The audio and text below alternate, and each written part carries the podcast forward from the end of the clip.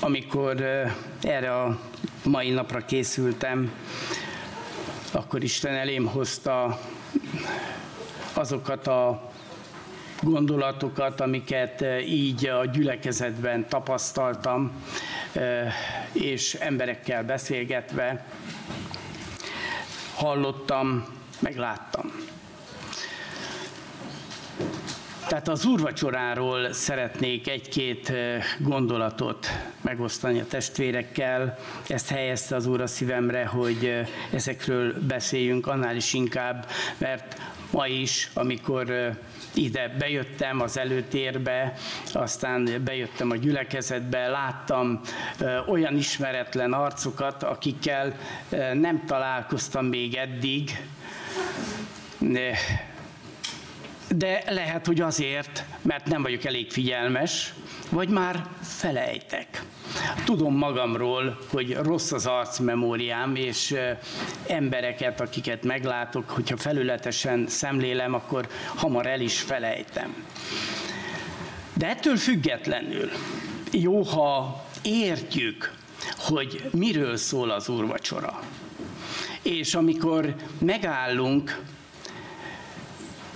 az úrvacsoránál, akkor mindenki tisztában van azzal, hogy ez, ez micsoda.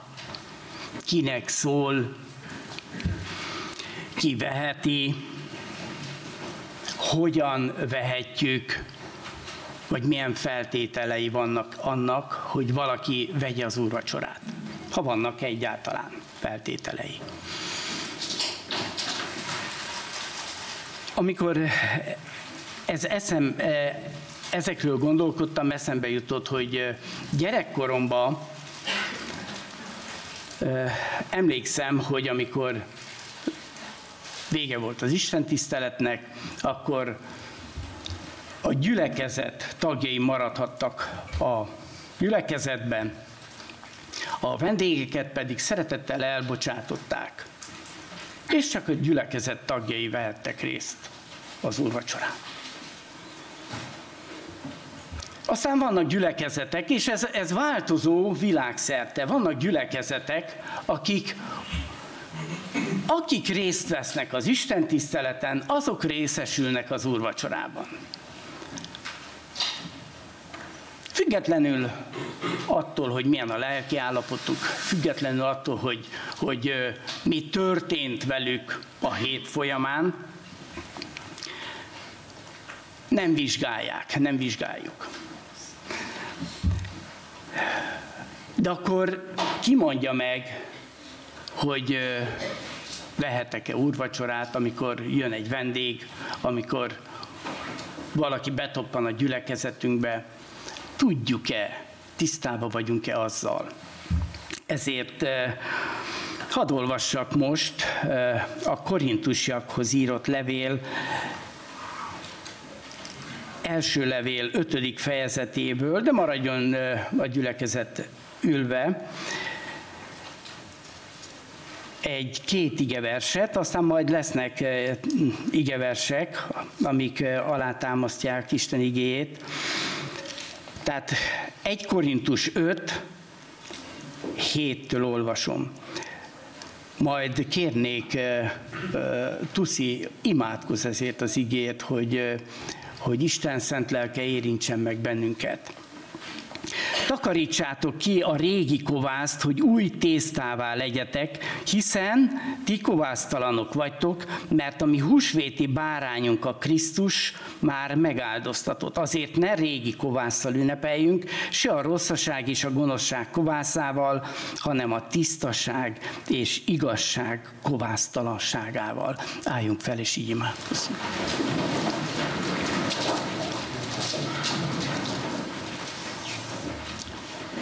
Uram, köszönöm neked az igédet. Uram, köszönöm azt, hogy te szólni akarsz hozzánk, és tényleg azért vagyunk itt, hogy, hogy te rólad halljunk, hogy, hogy te betöltes, vagy betöltsél minket, Uram, és, így imádkozom azért, hogy ez hogy meg tudjon valósulni, és továbbra is nyitott szívekre találjon az üzenet, Uram, imádkozom Jánosért is, hogy azt, amit az ő szívére helyeztél, azt tudja közvetíteni, és tudja nekünk átadni a te üzenetedet. Amen. Amen. Foglaljanak helyet a testvérek.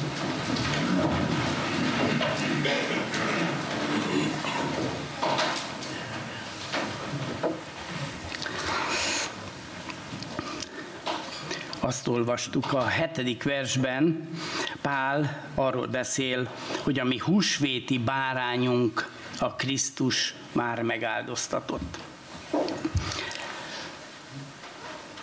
Itt Pálapostól vissza tekint az ószövetségi Páska bárányra. És amikor ezt teszi, és elénk tárja, hogy a húsvéti bárányunk a Krisztus, tehát összehasonlítja Jézus Krisztust az ószövetségi páska bárányjal.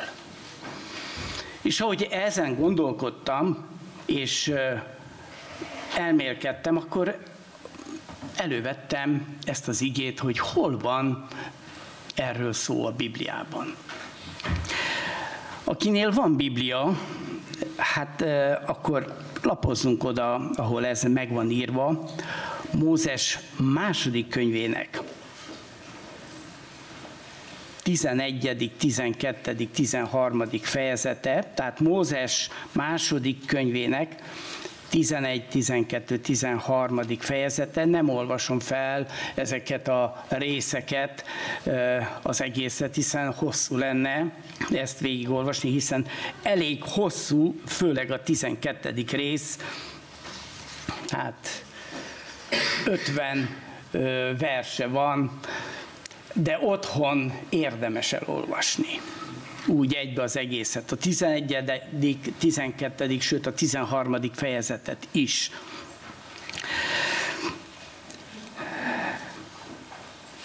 Ez leírja a páska bárány elkészítésének módját, célját. Az elején szó van arról, hogy Isten ítéletet tart, a közepén szó van arról, hogy Isten eh, kegyelme és eh, megbocsátása és eh, irgalma kiárad Izrael népére, és a legvégén pedig szó van arról, hogy, hogy milyen feltételei vannak annak, hogy hogyan vehetik ezeket a, a hogyan történjen ennek a páska báránynak a levágása, elfogyasztása, és, és milyen szabályai vannak. Nem vesszük részletesen mindet, de ami ránk vonatkozik, azt szeretném azt a három dolgot kiemelni, ami az újszövetségi gyülekezetre igenis aktuális. Tehát az első az ítélet.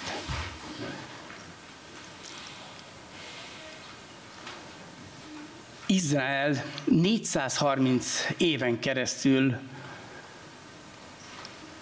az egyiptomi rabságban raboskodik, szolgál, építik, építetik velük a piramisokat, vagy ki tudja miket különféle, különféle objektumokat, hiszen Egyiptom a leghatalmasabb birodalom abban az időben, és ennek a rabszolga sor, ebben a, ennek a királyságnak, vagy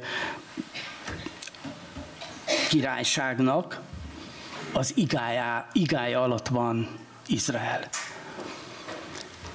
És Isten meghallja a nép sóhajtozását. Megkönyörül,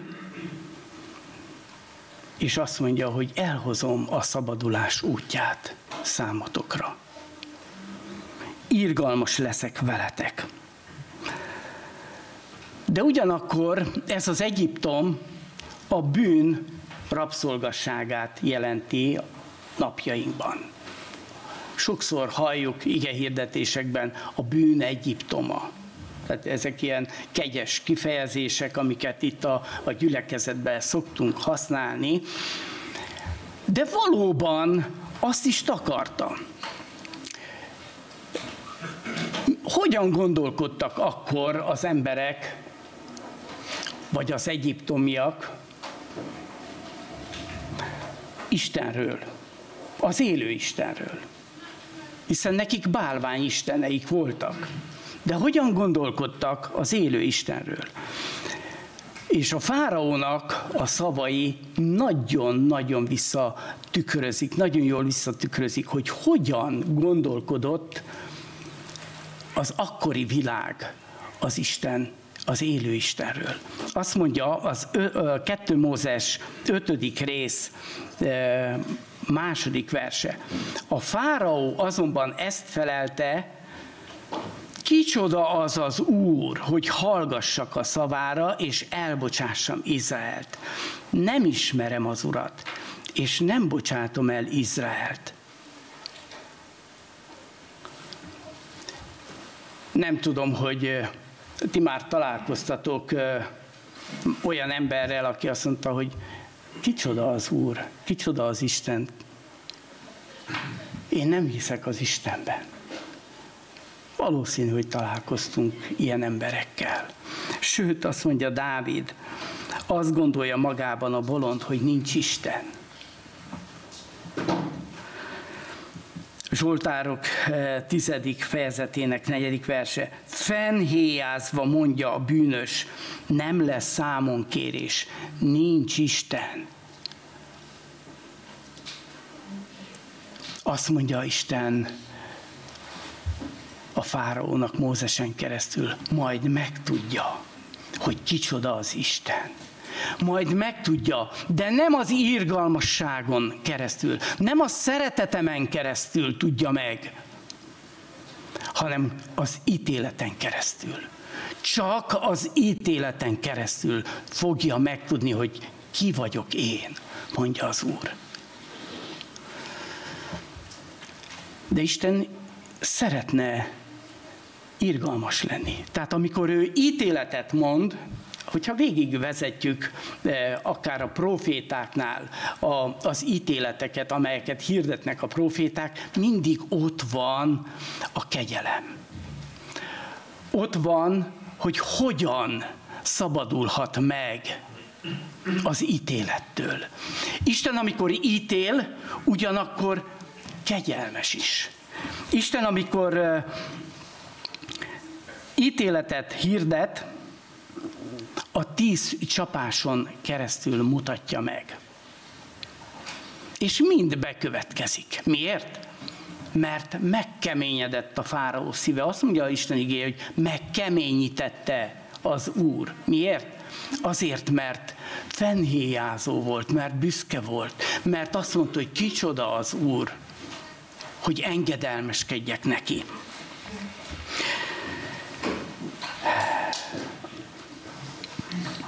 De az Úr azt mondja a 12. rész, 12. versében,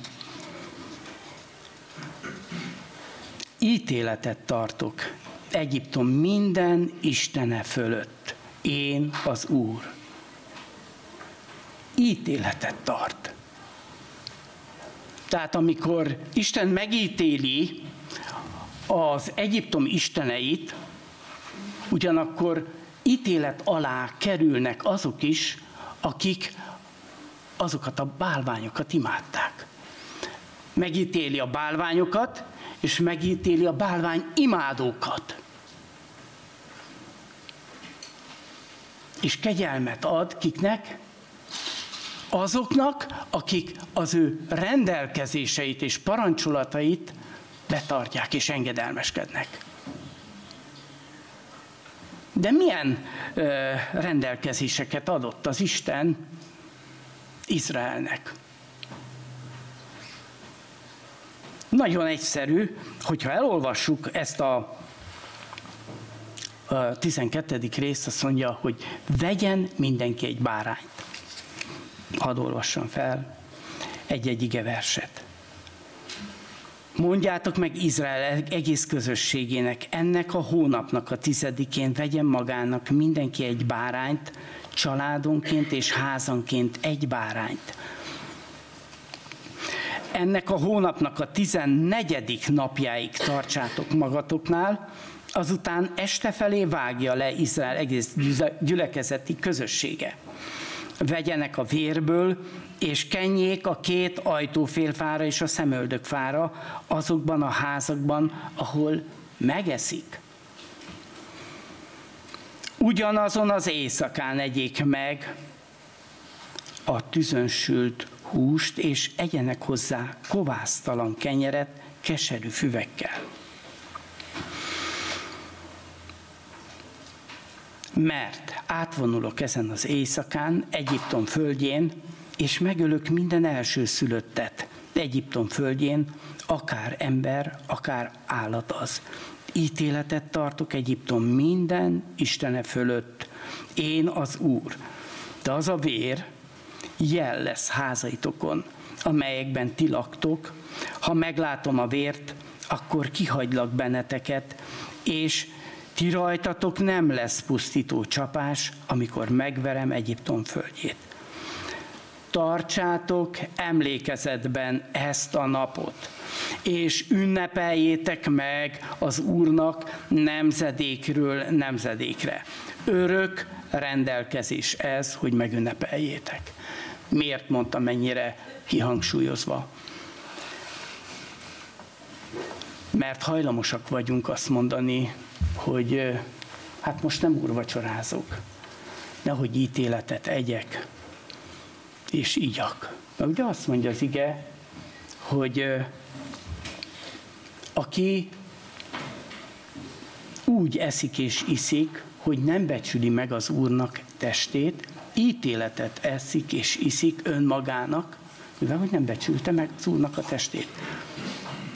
És ki az Úrnak a teste? Hát a gyülekezet, közösség, az Isten népe. Tudjuk nagyon jól, tehát nem, nem idegen kifejezések ezek. Azok, akik Isten népéhez tartoznak. De ki az, aki az Isten népéhez tartozik? Aki az Isten népéhez tartozik, azt mondja, az ige, az vegyen egy bárányt családonként egy bárányt. Tehát a családfők kötelessége volt, hogy beszerezze a, azt a hím bárányt, egy éves legyen, hibátlan legyen, és kikehettek ebből a bárányból? Csak azok, akik a családhoz tartoztak azt írja itt a 38. vers, hogy sok keverék nép is ment velük, meg juhok, marhák, igen nagy számú jószág. Tehát sok keverék nép is ment velük. Tehát ők akkor nem vehették? Nem akarok elé menni a dolgoknak, de hadd nézzük meg akkor most azok, akik családonként kik tartoztak a, a családhoz. Azt mondja a 43. vers, az idegenek közül senki sem ehet belőle, de bárki pénzem vásárolt szolgája ehet abból, ha körülmetélték. Zsellér és napszámos nem ehet belőle. Abban a házban kell megenni, abból a házból nem szabad kivinni a húst, és a csontját sem szabad eltörni. Ki az, aki és itt vannak kifejezések, hogy az idegenek közül senki sem mehet, de bárki pénzem vásárolt szolgája ehet abból, ha körülmetélték. Tehát a gazda, gazdának voltak szolgái, rabszolgái, és ezek mind a családhoz tartoztak, sőt, őket körül is metélték. De aki zsellér volt, mi az a zsellér? Tudja valaki, hogy ki a zsellér? A zsellér egy olyan személy volt, aki rendelkezett a földes úrtól kapott kis földarabbal, és önálló személyként létezett. De a gazdának dolgozott. Neki volt háza is. A napszámos. Ki a napszámos? Valaki tudja, hogy ki a napszámos? A napszámos az, aki valamely családból jön, és elmegy egy gazdának, és dolgozik ennek a gazdának, és a nap végén megkapja a bérét. Ő a napszámos. Én nagyon sokat dolgoztam napszámosként. Sőt, a kommunista időszakban még zselérként is. Hiszen kaptunk egy földarabot, és dolgoztunk a kommunista pártnak. De nem tartoztunk hozzá.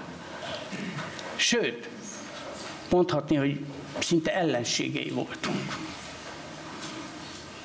Mert nem mindenben értettünk egyet a gondolataival, ideológiáival és, és amit képviselt. De mik azok a bálványok, amikkel, amiket megítél az Úr? Mi az? A, mi a bálvány? Mik a bálványok? Olyan dolgok, vagy lények, vagy ideológiák, akikben, vagy amikben reménykednek az emberek. Ezek a bálványok, ezt így fogalmaztam meg nagyon egyszerűen, tömören. Amikben a reménységeit vetik az emberek. Csak gondoljunk vissza a 20. század elején. Azt mondták, hogy az oktatás egy olyan szintre fog eljutni, hogy mindenki érteni fog mindent, nagyon okosak lesznek az emberek, műveltek lesznek az emberek, képzettek lesznek az emberek, és, és nem lesz, nem lesz szükség arra, hogy, hogy tehát nem lesz bűnözés, hiszen, hiszen már művelt emberekkel állunk szóba. Ehhez képest a 20. század tudománya és, és oktatása mit hozott? Látunk, hallunk hírekben, hogy művelt terroristák, vagy kifinomult tervekkel rendelkező betörők, gyilkosok,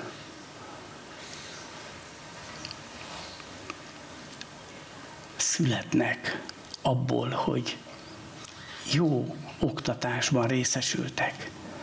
Megoldotta az oktatás bálványa, Istene az ember problémáját? Hát nem. Pedig bíztak benne. Pedig abban reménykedtek, hogy ez meg fogja oldani. Vagy azt mondták, emlékszem rá, hogy az orvostudomány egy olyan szintre fog jutni, hogy nem lesznek betegségek. Az orvostudomány mindnek az ura lesz. Nem lesznek járványok. És ehhez képest olyan vírusok születnek, amelyek félelmet keltenek még az orvosokban is, a kutatókban is. Megoldotta az ember problémáját, az orvostudományba vetett hit nem oldotta meg. Sőt, újabb és újabb betegségek vannak. Meg sem merem kérdezni, hogy gyülekezetben hányan érzik, hogy van valamilyen betegségük. Ne nyújtsa fel senki a kezét. Nem oldotta meg. Gazdasági szakemberek azt jósolták, hogy olyan bőség lesz a Földön, hogy csak fogyasztunk, fogyasztunk, fogyasztunk, és lesz annyi, hogy el se tudjuk fogyasztani. Ehhez képest, amikor megérkezik a villanyszámla, meg a gázszámla, nagyon sokan meg kell számolják a kis pénzüket, mennyi maradt. amiből még meg kell, hogy éljenek, ha kifizették a kötelező számlákat. Így van, testvérek, legyünk őszintén. És megoldotta a gazdasági szakemberekbe vetett bizalom az ember problémáját? Hát nem. Hát nem sikerült még ennek a bálványnak sem megoldani a mi problémánkat. Sőt, azt mondták a technológiai vívmányok, hogy felmegyünk a világűrbe. És akik fölmentek, azt mondták, nem találkoztunk ott az Istennel. Nincs is Isten. Értjük. Van technológiánk, van ismeretünk, van tudásunk, de nincs Isten. Mert nem találkoztunk vele.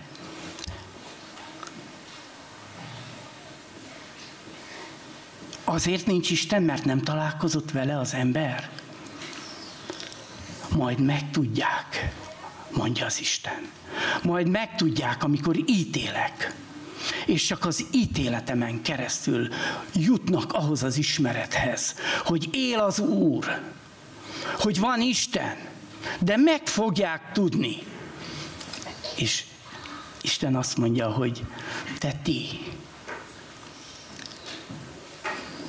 de ti, nektek megadatik, akik hisztek annak, amit mondok. Ha elhiszitek, hogy az a bárány, amit meg fogtok ölni, és el fogtok fogyasztani, az megtart titeket.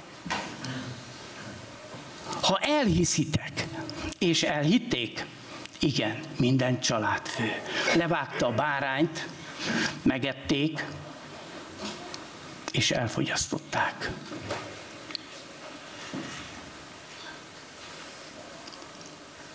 Elfogyasztott. De miért kellett megenni? Miért kellett megenni a bárányt azon az éjszakán? Mert ugyanazon az éjszakán jött az ítélet, amely éjszakán jött a szabadulás. És ezt említettem, hogy amely napon Isten ítéletet hirdet, azon a napon megmondja, hogy van szabadulás is. Miért kellett megenni? Miért kellett elfogyasztani mindenkinek? aki a házban volt. Azért, mert ez személyes. Személyes döntés. Mindenkinek el kellett, hogy fogyasztania. Mindenkinek ennie kellett ebből. Azt mondja az Úr Jézus, ez az én testem, amely ti érettetek megtöretik. Ezt selekedjétek, valamennyiszer eszitek az én emlékezetemre. Tehát nem opció. Nem, nem vagyok éhes. Nem arról szól, hogy akarom-e, hanem ez örök rendelkezés, hogy ezt cselekedjétek. Nem dönthetsz úgy, ha elkötelezted magad Jézus Krisztus mellett, és bemerítkeztél, és bizonyságot tettél arról, hogy te Isten népe közé akarsz tartozni, nem dönthetsz úgy, csak, hogy nem veszek most úrvacsorát, megvárom a következő hónapot. Azt mondja Isten igéje, hogy a tizedik napon mindenki vegyen egy bárányt, a tizennegyedik napon öljék meg, és egy héten keresztül egy héten keresztül senki ne fogyasszon kovász, kovászos kenyeret. Miért? Egy hét volt megadva arra, hogy me- kitisztítsák az életükből a kovászt. Ha vettél úrvacsorát, ha veszel úrvacsorát, akkor kötelességet, hogy oda menj az Isten elé, és azt mondod, fáj, Uram, fáj, amit elkövettem. Bűnös vagyok, tisztíts meg, tégy szabaddá. Uram, meg kell harcolnom, hogy még mindig ott van a gyűlölet a szívemben, ez ellen a nép ellen, aki leigázott bennünket.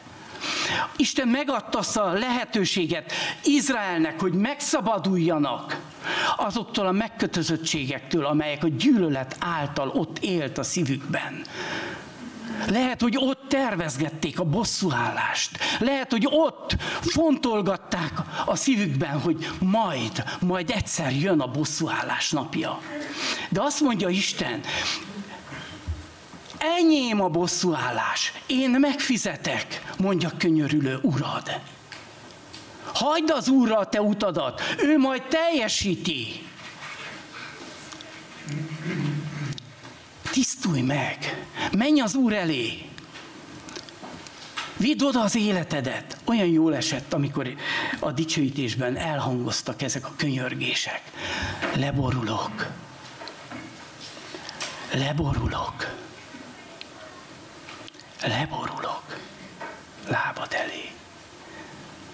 Tartozunk ezzel az Úrnak hogy megvalljuk, hogy igenis bűnösök vagyunk. Valaki azt mondta, hogy amióta megtértem, boldogan mondta, már nem, nem, nem védkeztem, nem védkeztem. Nem követett el bűnt. Pedig azt mondja az ige, minnyáján védkeztünk. Minnyáján hiával vagyunk Isten dicsőségének. Én is. Én is. És lehet, hogy te is, barátom, testvérem. Tehát aki úgy döntött, hogy elfogyasztja ezt a bárányt, és megvallja nyilvánosan, mert ezt nyilvánosan kellett megvalni, megvallani. Hogyan? Hogy amikor leölték a bárányt, felfogták a vérét, és egy izsóppal megkenték az ajtó félfáit. Ezt is, ezt is, és a szemöldökfát is. Hogy amikor jön az ítélet, akkor mentes legyél. Hogy mentes legyen a haláltól. És mit gondoltok? Hogyha mindezt megtette, és ez kellett, hogy látszódjon, nyilvános volt. Ugye ezt láthatták az egyiptomiak, bár akkor este nem látták, hiszen este történt. Megölték a bárányt, este, miután beesteledett, írja az ige, megölték a bárányt, elfogyasztották, és bekenték az ajtó félfáit. És hogyha meglátták volna ezt Egyiptom emberei, fiai, mi történt volna velük?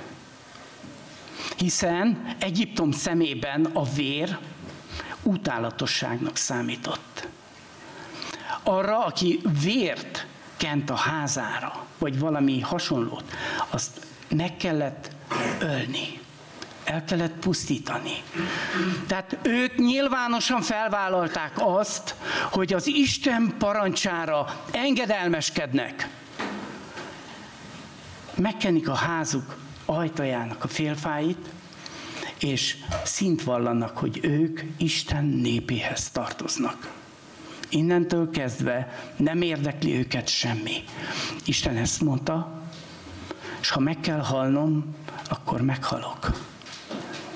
De az Úr mondta, felvál, felvállalták azt, hogy ők Isten népéhez tartoznak. Nyilvánosan, és ez meglátszott belül az életükön, és meglátszik kívül a keresztény ember életén.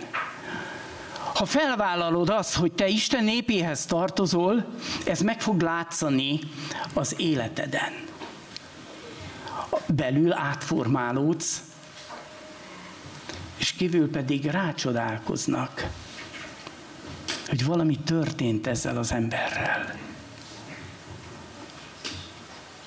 Valami történt. Gondoljatok csak Nehémiás életére, amikor ott bőjtől, amikor meghallja, hogy romokban van Jeruzsálem, amikor meghallja azt, hogy, hogy a kőfalai mind ledöltek, ott sír az Úr előtt. hónapokon keresztül, és amikor ezt teszi, egyszer csak meglátja a király. Észreveszi rajta, hogy valami történt ezzel az emberrel. Mi történt veled? kérdezi. Mi van veled? Mi a fájdalmad? És ő szint vall. Az fáj, hogy romokban van Jeruzsálem. Hogy romokban vannak a kapuk. A kapuk, amelyek megvédték. A falak, amelyek védelmet nyújtottak az én népemnek. És ott sír a király előtt, és az Isten előtt. Meglátszik, ha az Isten szent lelke átformálta az életedet, akkor az látszani fog. Először te magad, belül átformálódsz, de látni fogják mások is, hogy az életed átalakult. A te életed az Istené, az Úré. És valami ilyesmiről szól az úrvacsora. Egy szellemi cselekedet. Döntöttem, meghoztam a döntést, felvállalom nyilvánosan, akár a kerességben, bemerítésben, és mit teszek? Engedelmeskedek. De minek engedelmeskedek? Senki ne menjen ki közületek reggelig a háza ajtaján, mondja az ige. És ha kiment volna valaki, ért volna valamit az, hogy leölte a bárányt? Hogy megkente az ajtó félfáit? ha kívül lép az Isten által megszabott oltalmon, ért volna valamit? Hát azt hiszem, hogy nem. Azt hiszem, hogy Isten ítélete őt is sújtotta volna. Isten korlátokat állít. Valakik, fiatalok jöttek és kérdezték, most tényleg úgy gondolod, hogy ide nem mehetek el, most nem akarok hazabeszélni. Tényleg azt gondolod, hogy nem tehetem meg? Tényleg úgy gondolod, édesapa? De, de nézzen mindenki magába. Tényleg ennyire, ennyire törvénykezünk ennyire, ennyire komolyan vesz, kell ezt venni? Volt egyszer egy, ö, ö, és engedjétek meg, hogy elmondjam ezt a történetet. Angliában egy idős hölgy már nem merte az autóját vezetni, egy, egy nagyon jó minőségű Rolls Royce volt, és sofőrt keresett. És három embernek feltette a, kiválasztott, és egyiknek is megkérdezte, hogy milyen sebességgel tudnál ezzel az autóval haladni, hogy a szakadék előtt megállj. Az egyik azt mondta, hát olyan 160-nal és 100 méterről megállnék a szakadék előtt, vagy akármennyi méteres, nem, nem tudom pontosan. A másiktól is megkérdezte, az azt mondta, hogy 120-szal merne menni. A harmadik azt kérdezte, a harmadiktól is megkérdezte, és te mennyivel mernél menni? És azt mondta, hogy én minél távol, távolabb szeretnék maradni a szakadéktól ezzel az autóval, mert annyira értékes. Ezzel azt akarom mondani, hogy Isten nem azt szeretné, hogy méricskéld. Mi fér bele a hitedbe? Nem azt szeretné, hogy ez még belefér, hanem minél távolabb a bűntől. Azt szeretné, hogy, hogy minél távolabb a bűntől, és minél közelebb a kereszthez. Értitek? Nem azt szeretné, hogy mériskél, de szabad, ezt nem szabad. Ha oda szántad az életedet Istennek, ha népéhez tartozol, akkor minél távolabb a bűntől. Érted? Nem éricskéld Isten kegyelmét. Hogy ez még belefér, vagy nem. Tartsd távol magad a bűntől. Minél messzebb. És ha ez lesz a szemléleted, akkor Isten segíteni fog. Segítségedre siet. Ő adott korlátokat, adott védelmet. Megadja a védelmet. Ne lépd túl az Isten által felállított korlátot. És ha nem léped túl, védelem alatt maradsz. Te és a te házad népe. Amen. Amen. És hadd jussunk úgy a, a vége fele.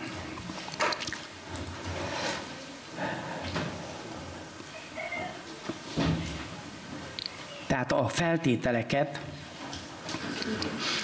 Isten megszabta. Tudjuk, hogy mi a kovász. Ez egy általános kifejezés, ez nagyon jó, a bűn kovásza. A bűnt jelképezi, igaz? Kovász. És azt olvastuk a romaiakhoz írott levél 5. Mm, fejezetében, a korintusiakhoz írott levél, első levél, 5. fejezeté, hogy távolítsátok el, takarítsátok ki a régi kovászt, hogy új tésztává legyetek. Amikor megnéztem, hogy eh, hogyan készül a kovász, itt a az interneten, akkor ott leírja szépen, hogy hogy kell elkészíteni a kovászt. Beletenni üvegbe a, sót, a, vizet, meg a lisztet, összekeverni, és akkor hagyni állni két napot. Csak én nem így tudtam. Én úgy tudtam, hogy ezt lehet egy kicsit siettetni, egy kicsit sürgetni. Hát ha nincs idő, ha nincs idő arra, hogy hogy öt nappal előtte is vagy sikerül, vagy nem. Mit tettek a, a szüleink? Mi két hetente sütöttünk otthon kenyeret. Nagy kenyereket, ekkorákat. Biztos volt három és fél, négy kiló is egy kenyér. És öt darab fért be a kemencébe.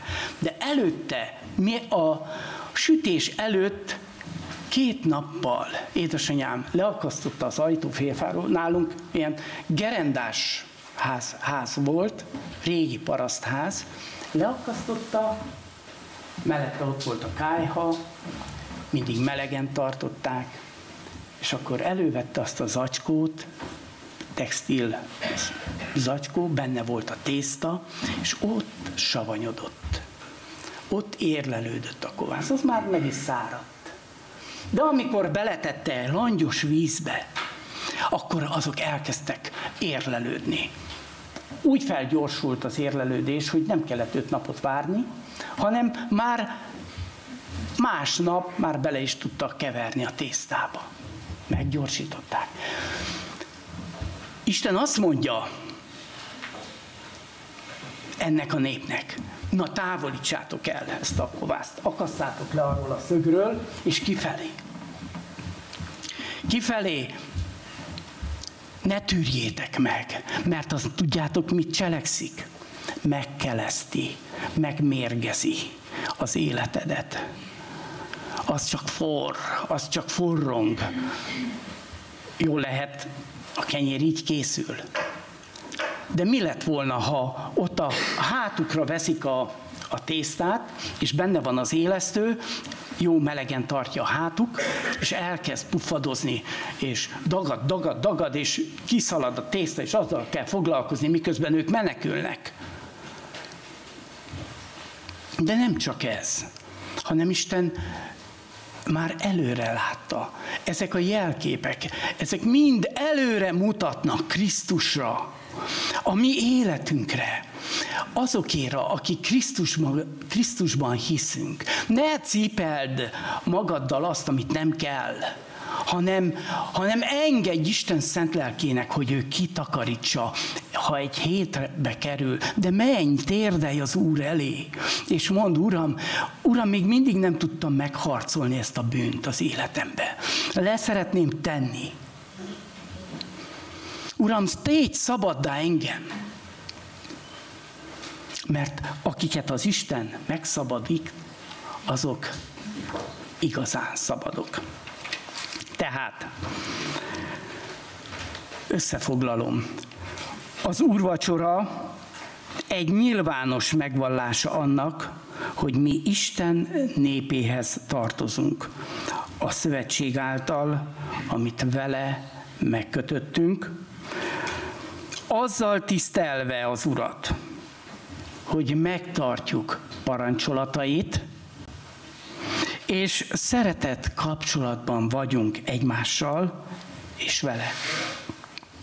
Az úrvacsora hív újra megtérésre, engedelmességre az Istennek, aki jó és szerető atya. Aki nem fárad bele abba, hogy megbocsásson. Értjük? Ez a lényege.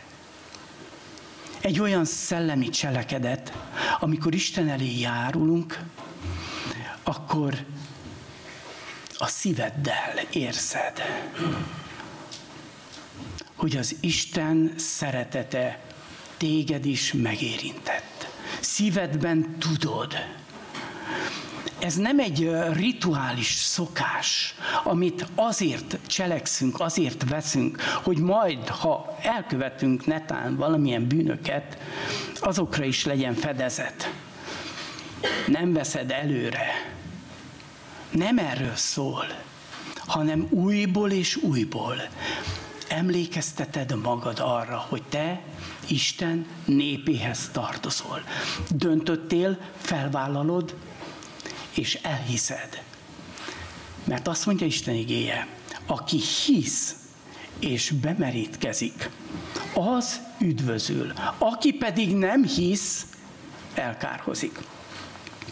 Még egy történetet mond az Úr Jézus eh, a királyi mennyegzőről. Talán mindenkinek eh, ismerős ez a történet. Ismerős? Arról szól, hogy volt egy ember, aki a fiának mennyegzőt rendezett, és kiküldte a szolgáit, hogy hívják meg a meghívottakat a vacsorára. Hívják be. És sokan nem jöttek, azok közül, akiket hívtak.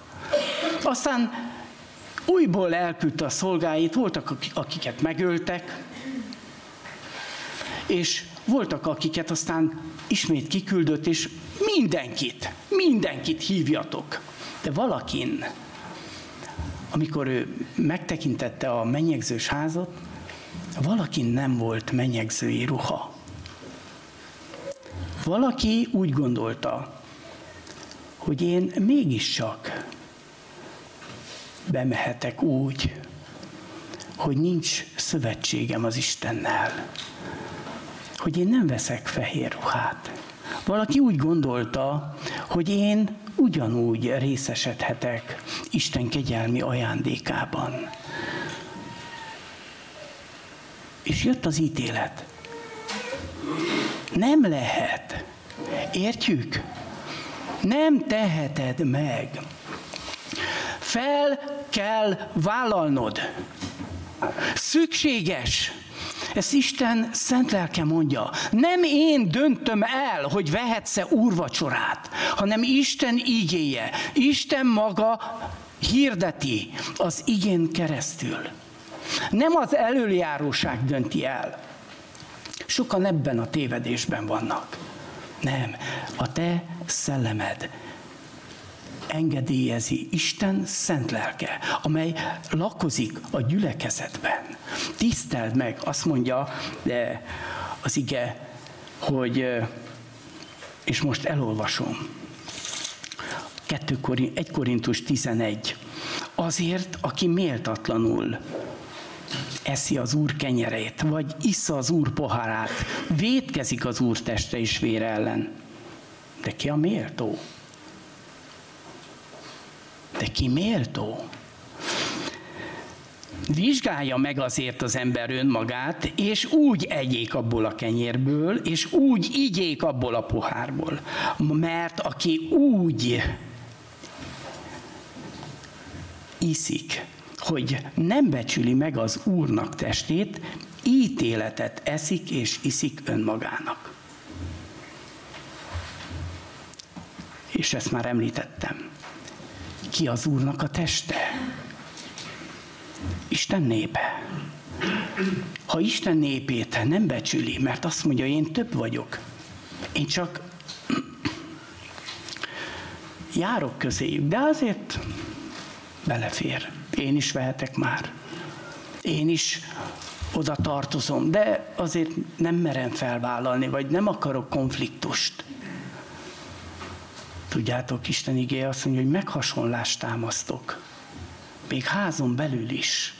Az én nevemért. Nagyon kemény igék. Nagyon sokat gondolkodtam ezen, hogy elmerjem-e mondani. De Isten igéje mondja, nem én.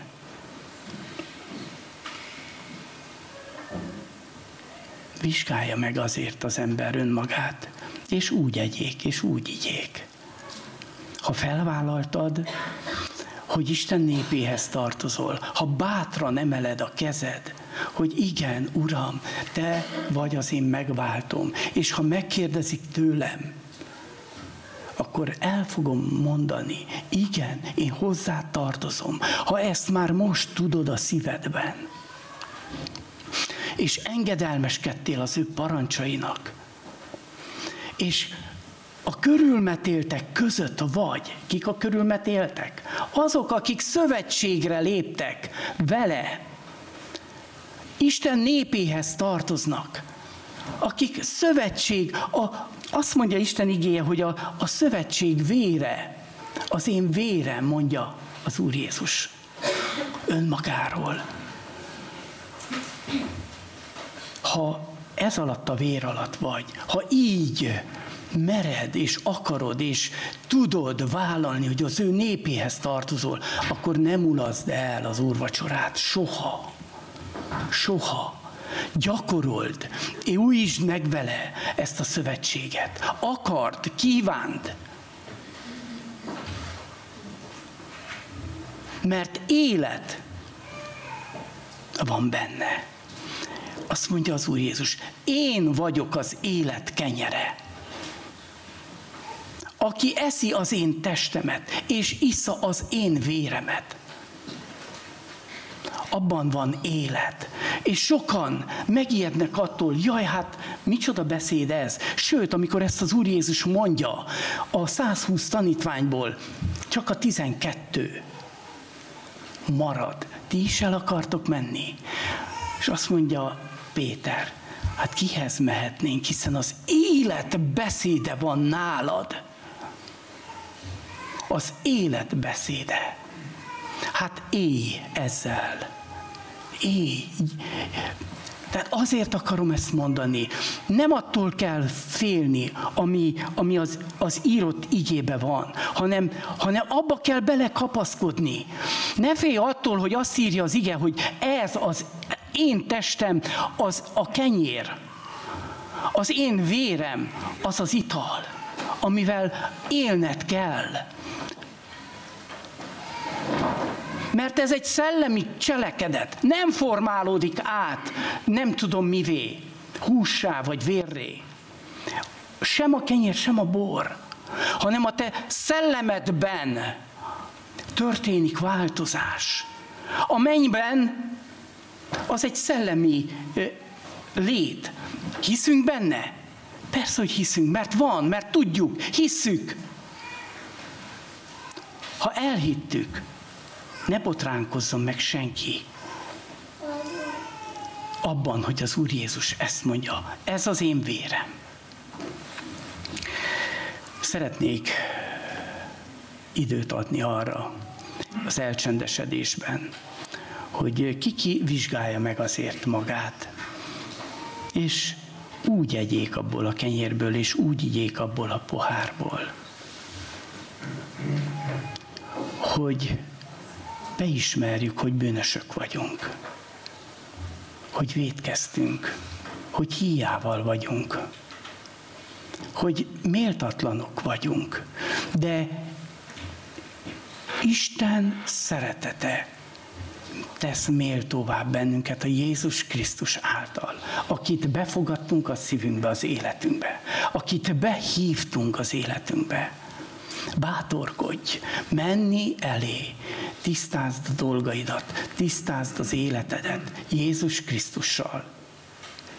Ha szövetségre léptél vele, akkor vállald, vállald ezt minden helyzetben és élj az úrvacsorával, hiszen áldás és élet származik belőle. Egy-két percet maradjunk csendben, utána következik az úrvacsora.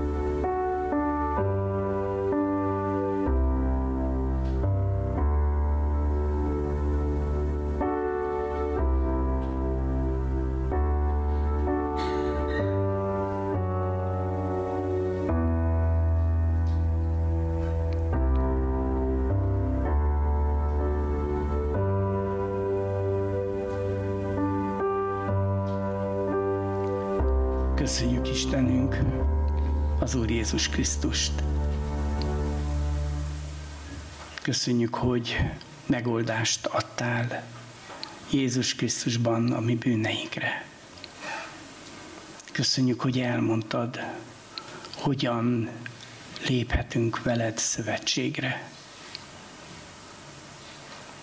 Köszönjük ezt a szövetséget. Köszönjük bűneink bocsánatát. Köszönjük, hogy nap mint nap megvizsgálhatjuk életünket, és ha újra védkezünk, elég a te véred. A te véred eltörli a mi bűneinket. Köszönjük, hogy teljes hitünk lehet e felől, hogy megtartasz, hogy életet adsz, hogy kegyelmet adsz, amikor előtted meg kell állnunk. Nem azért, mert jók voltunk, nem az igaz cselekedeteinkért, hanem az Úr Jézus Krisztusért, akit elfogadtunk, akinek engedelmeskedtünk, akinek szavát teljesítettük, akiért éltünk. Köszönjük ezt, Uram, hogy így gondolhatunk ma is, és így újíthatjuk meg veled a szövetséget, amelyet velünk megkötöttél. Abban a pillanatban, amikor megtértünk te hozzád. Köszönjük, hogy élet van a te beszédedben. A te tested, a te véred, élet számunkra. Akarunk ezzel élni, vágyjuk ezt, kívánjuk ezt. Köszönjük ezt neked, Urunk. Amen.